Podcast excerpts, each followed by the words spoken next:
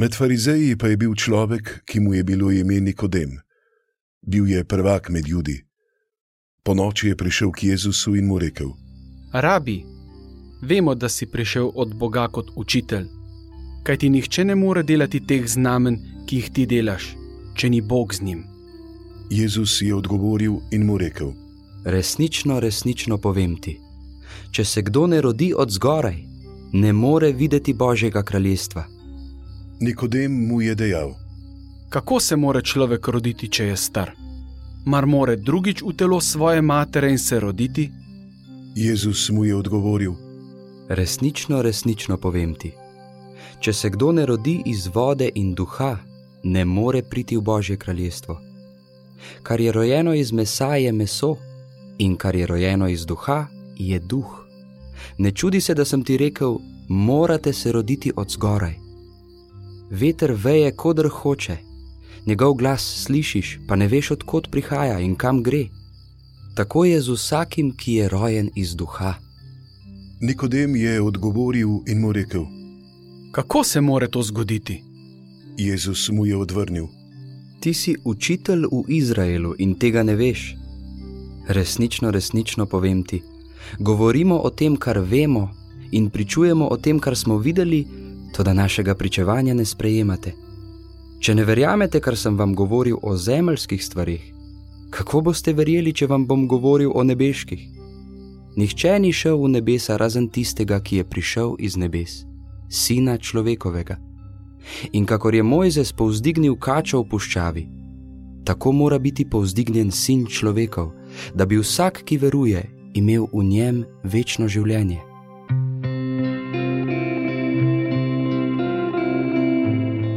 Ali niso čudovite Nikodemove besede, ko reče Jezusu, da nihče ne more delati čudežev, če ni Bog z njim? Nikodem vidi znamenja, vidi delovanje Boga v Jezusu. Pa se mu kljub temu poraja polno vprašanj, na katera nima odgovorov. Zato poišče učitelja in ga sprašuje. Zdi se, kakor da Jezus odgovarja malo mimo. To sicer pogosto počne. Božje logike se pogosto ne da uokviriti v naše človeško miselnost.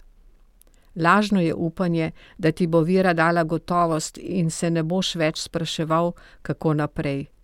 Vera ni seznam pravil, ki se jih držiš. Kdor hodi z Bogom v veri, se sooča z neznanim, z negotovostjo, s preizkušnjami. Prav tako kot tisti, ki ne veruje. Razlika z nevernim je v tem, da Jezusov učenec vse svoje zaupanje položi v njegove roke.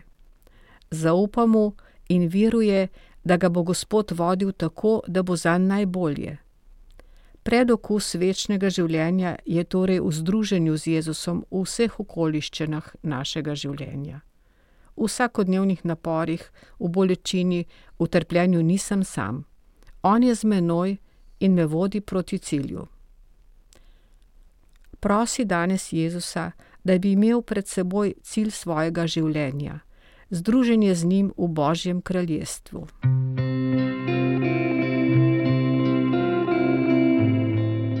Med farizeji pa je bil človek, ki mu je bilo ime Nikodem. Bil je prvak med ljudmi.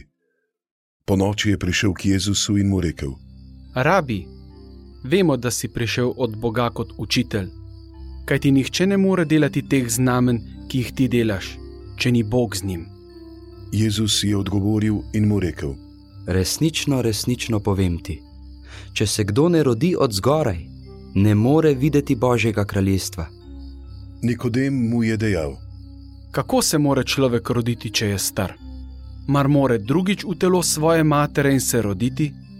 Jezus mu je odgovoril: Resnično, resnično povem ti, če se kdo ne rodi iz vode in duha, ne more priti v Božje kraljestvo. Kar je rojeno iz mesa, je meso, in kar je rojeno iz duha, je duh. Ne čudi se, da sem ti rekel, morate se roditi od zgoraj.